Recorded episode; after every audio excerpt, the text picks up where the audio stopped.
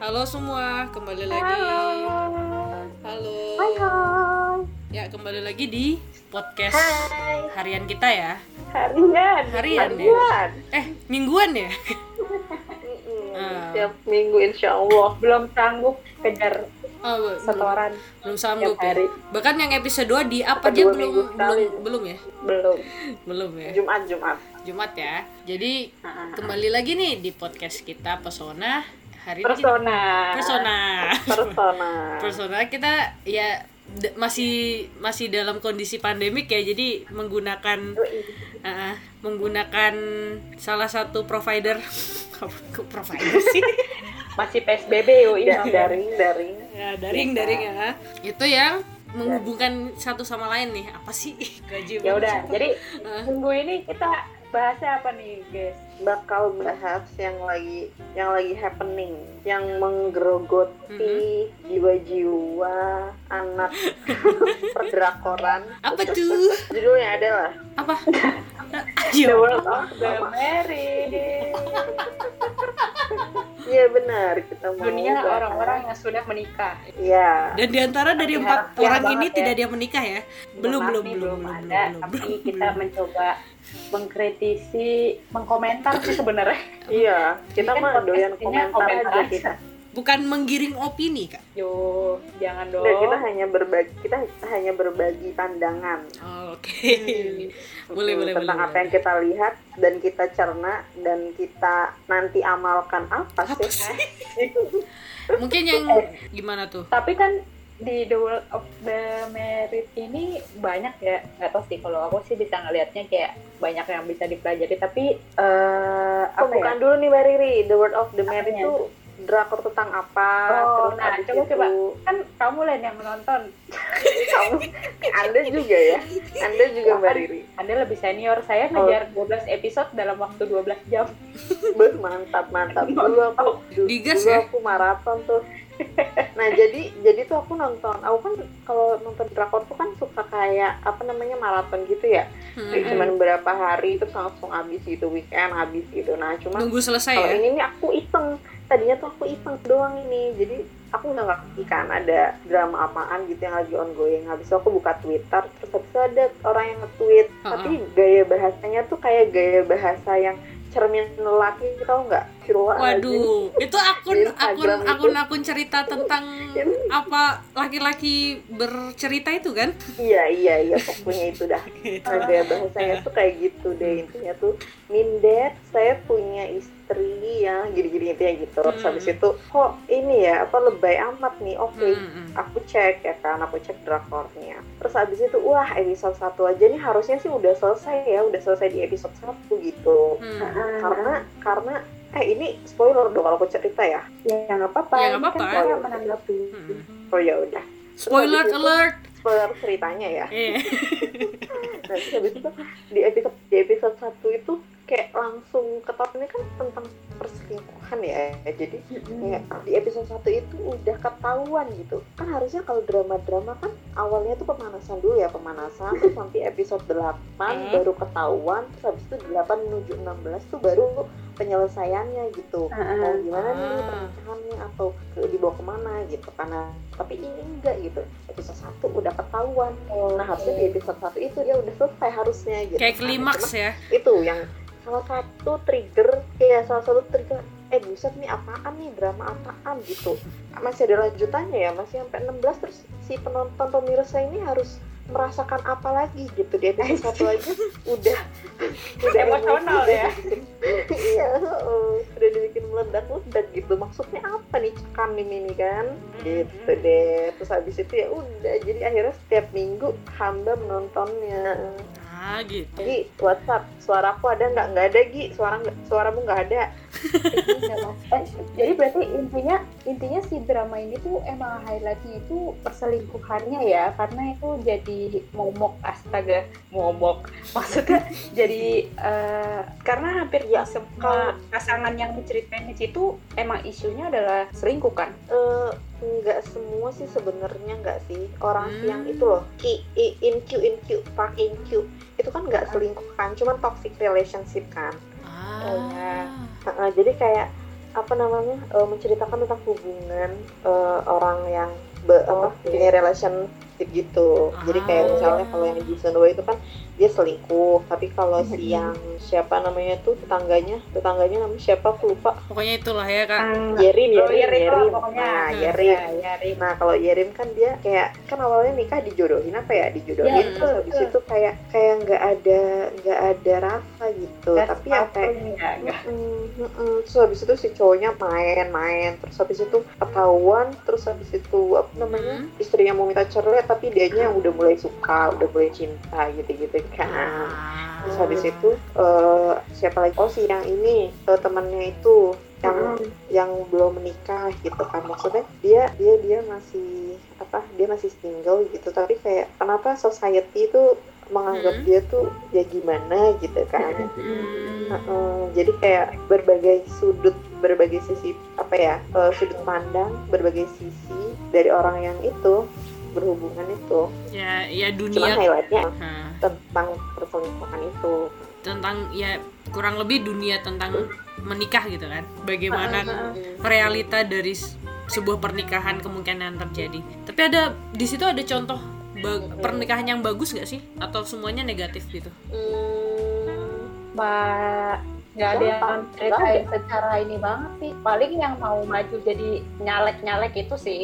Iya tapi hmm, tapi ya tapi pasti itu tapi si ininya juga apa gosip banget. Oh iya gosipers Hmm, jadi intinya Eh, sebenarnya ini sekumpulan gimana gimana kak? Kenapa? Enggak tadi apa eh, selingkuh tuh kenapa kenapa gitu? Kenapa ada orang yang bisa memilih asik memilih memilih jalan ke arah sana. Kalau misal dari itu ya kalau misal dari dramanya ya. Kalau Hmm. dramanya tuh ini kan apa si TO itu kan eh oh uh salah. Akrab bu. Iyo teman ngopi kan? Iya. bukan lah aku kan nama tantenya aja tante Jisni oh iya. Terus si cowoknya itu kan ini kan apa namanya hmm, bapaknya bapaknya apa ya? Bapaknya kan selingkuh juga tuh. Ah. Jadi iya aku nggak ngerti sih ya. Mungkin mungkin coba yang klinis apakah bisa dijelaskan? Mungkin. Ah, atau kalau dari sisi psikologi keluarga mungkin Mbak Riri juga bisa menjelaskan.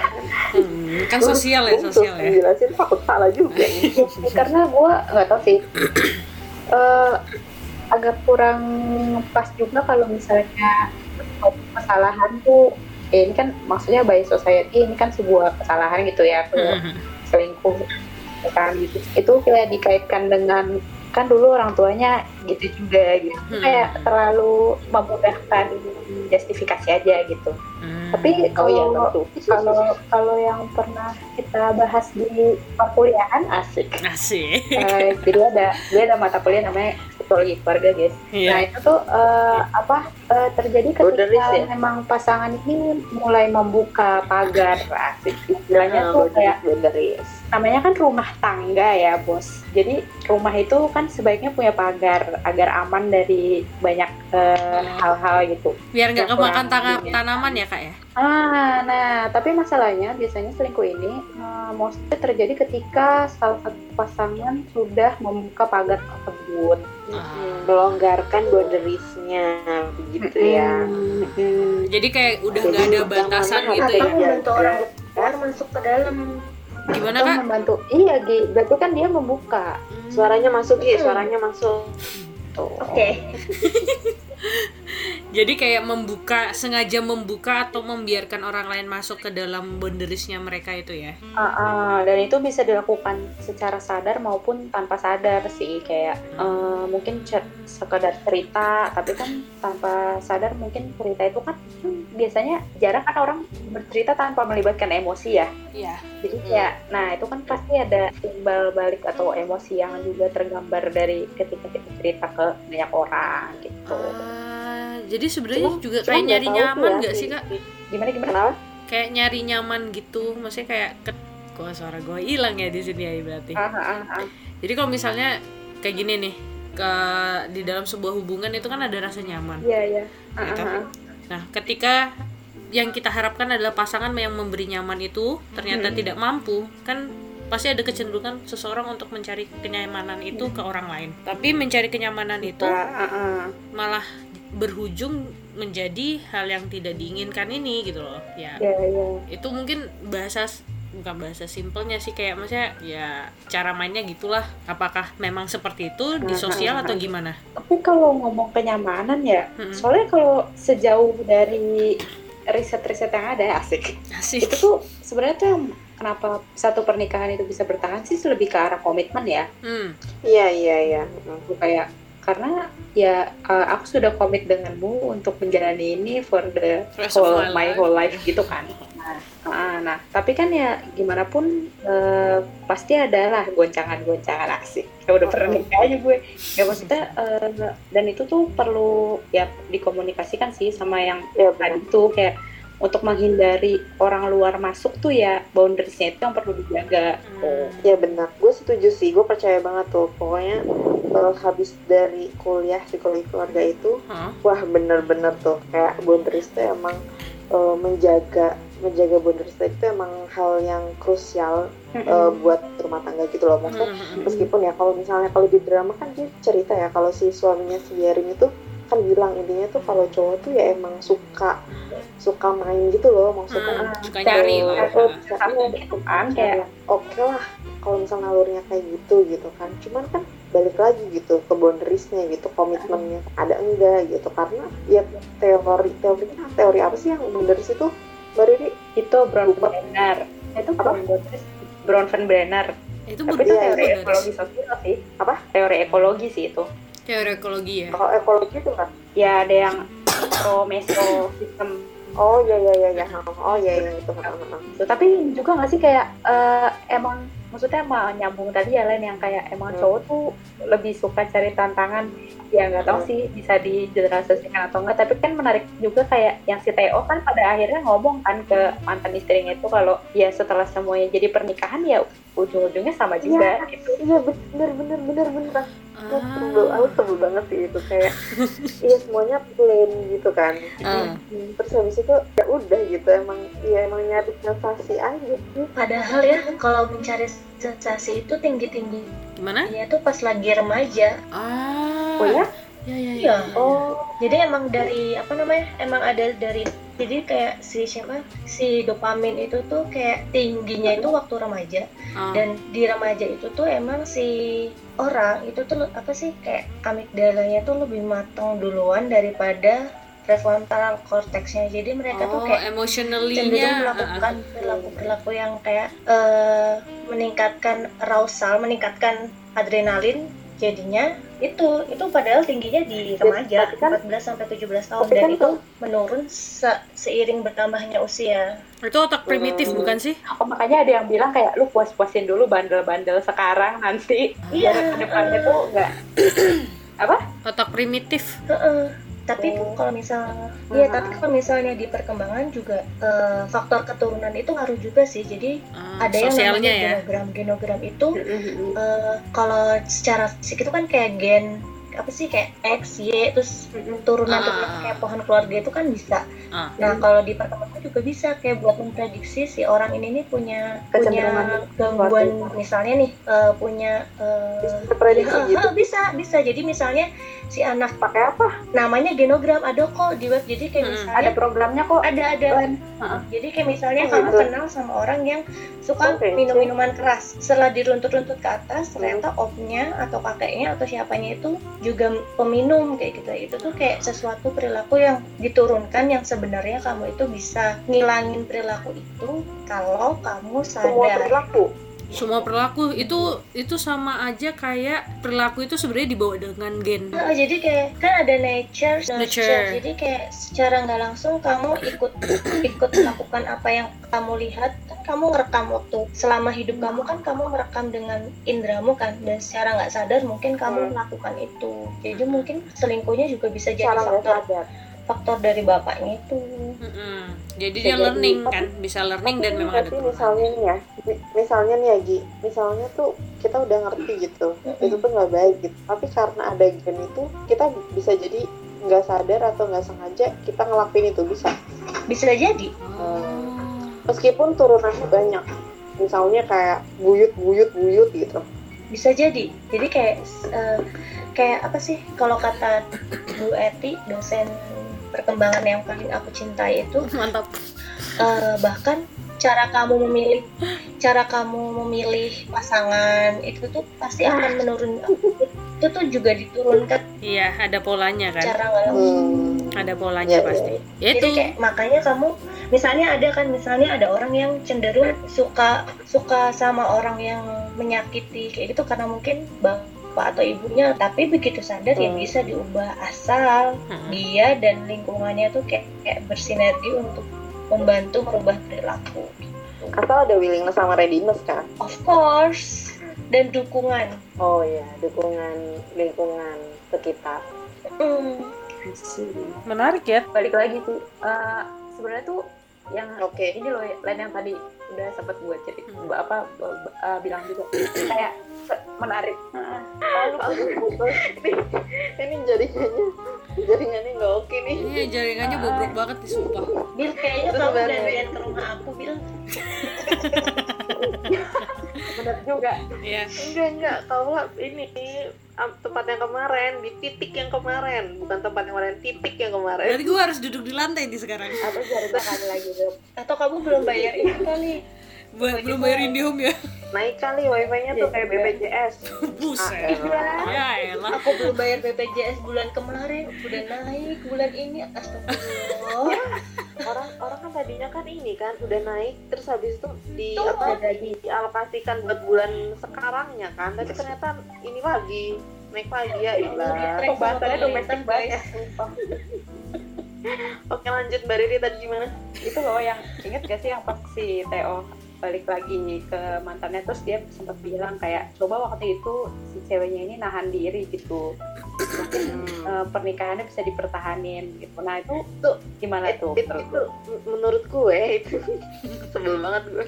Eh, Kan Oh, lu justru tim yang sebel ya karena dia statement itu? "Kok iyalah maksudnya gini dia dia bilang apa namanya mungkin aja kalau misal lo maafin eh, ini semua nggak akan terjadi ini semua nggak aku kita nggak akan- nggak akan cerai lah gini gini gini ah, Nah, padahal si si tante ini itu tuh udah membuka atau suruh beberapa kesempatan ya. Iya, seru nih itu membuka beberapa kali kesempatan kayak yang penting lo jujur deh. Lo lo, lo selingkuh nggak apa-apa, yang penting lo jujur gitu. Nah, tapi ternyata enggak kan. Maksudnya beberapa kali itu enggak gitu. Terus terus dia nyalahin lah. Dia kira apa maksudnya gitu. Emosi. iya itu bisa nggak sih dari jadi kayak misalnya kita kadang kan kalau salah makanya kan banyak kalau misalnya yang salah siapa yang galak siapa itu loh ya jadi kayak oh, untuk, iya, iya, untuk iya. defense-nya untuk defense-nya dia kayak apa ya kayak me ya jadi dia ngayam-yami apa ya bahasa Indonesia nya ngayam-yami itu blaming menenangkan dirinya dia tahu kalau Iya, dia iya. salah kan dia tuh blaming orang lain biar dia tuh eh, merasa Hmm. dia tuh nggak terlalu salah gitu loh ya itu Bisa bisa ya Ya, itu bisa bisa aja aja. soalnya kan ya masalahnya nggak nggak nggak dijelasin secara signifikan maksudnya Hmm. secara detail Oh, banget iya, dia dan tahu. jelas banget Mas. kenapa akhirnya dia selingkuh itu kan kayak nggak diceritain Kayak tahu-tahu doang kan. kayak ketemu Dakyung di mana kayak terus Hmm. awalnya juga kayak Oh, apa belum, belum, belum dikasih lihat. nggak tahu, dua kan. lagi nih. Apakah akan ada prequel lah lah intinya sih apa ya eh, usaha up- sebenarnya udah ada upaya buat komunikasi kan dari si Ah. Chungwoo-nya ini gitu Iya, heeh. nah cuman sat- nah itu satu lagi tuh yang komponen selain eh, menjaga boundaries ah alias komitmen tadi, yaitu jujur nggak sih? nah benar-benar ya komu- Ya, komunikasi komunikasi kan ya, komunikasi. komunikasikan kan. Komunikasi komunikasi positifnya ada, udah ada kan? Nah, nah, Kata apa namanya eh, boundaries atau komitmen, Hah? bener komitmen terus habis itu komunikasi positif, dia Ah. sih sesungguhnya udah ngebuka jalan gitu. Hmm, kayak benar. gak apa-apa yang penting lo jujur gitu. Tapi ternyata dia tidak jujur gitu. Padahal poin ketiga poin yang penting selanjutnya adalah kejujuran gitu. Mungkin dalam mungkin hubungan yang- apa pun kayak gitu kejujuran iya kita memang kan mungkin ad- ada sih. Kalau kalau dari gua mungkin cara penyampaian komunikasi positif itu yang tidak semua orang punya kemampuan untuk melakukannya. Dan kan komunikasi positif tuh salah satunya adalah refleksi emosi. Refleksi emosi refleksi emosi itu kayak misalnya kamu sebenarnya khawatir tapi ketika kamu berkomunikasi menunjukkan kekhawatiranmu tuh kadang tidak sampai gitu loh ke orang yang kita mau iya iya iya Nah, Iya, iya, jadi iya. mungkin bener-bener banget gue Dan- gue ngerasain itu sih nah, nah Sulit itu yang buat komunikasi itu Nah, itu yang akhirnya rada ribet tuh. Karena ke- sebenarnya mau nanya apa mau ngomongin soal kecemasannya dia, entah itu tentang apa dia namanya? dia minder juga kali si ininya si TO-nya. Mm-mm. ya iyalah apa apa dari istrinya cuy Ya bisa, bisa, Itu bisa. dibully lagi sama teman-temannya Alfian teman-temannya yang ngedukung tuh Oh, berarti iya? harusnya pindah dari gosan cari teman yang mendukung gitu loh Ah, itu mungkin itu juga Komen jadi ini tapi itu juga jadi sebuah pendorong perilaku loh. Kan ada faktor pendorong dari eksternal kan. Dan itu bisa jadi yang men- menyebabkan dia untuk mem- apa ya keinginan untuk Baca. jauh lebih dominan di, di, di tempat lain. Kenapa kak? itu siapa sih Edi ya Iya, random banget dia ketawa. Aku ketawanya telat ya. Iya. Tadi ketahuan Mbak Len. kamu sempat hilang dasar Egi telat ada pelaku Aku ghosting udah ya ketawa itu tapi ketawaku ya? baru sampai. iya Iya. terus gemak lagi kayak biasa Oh, tadi nggak padahal Nah, kalau ya aku keluar dulu deh. Nggak usah, lah ini udah mau kelar. Ada kayak kita warm up ya. Jadi kan intinya dari semua pro si, si, si siapa namanya? Si Sunwoo tuh manipulatif loh. Gue kadang suka si si siapa namanya?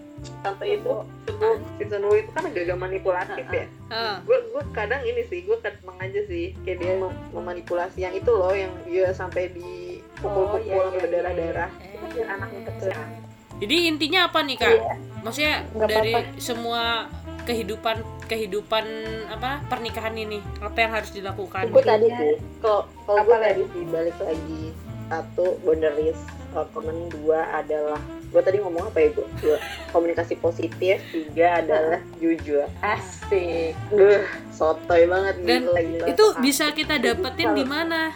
Bisa kita dapetin di mana tuh untuk belajar soal kayak gitu tuh? Apa harus masuk psikologi dulu tuh gimana tuh? Belajar sama cara.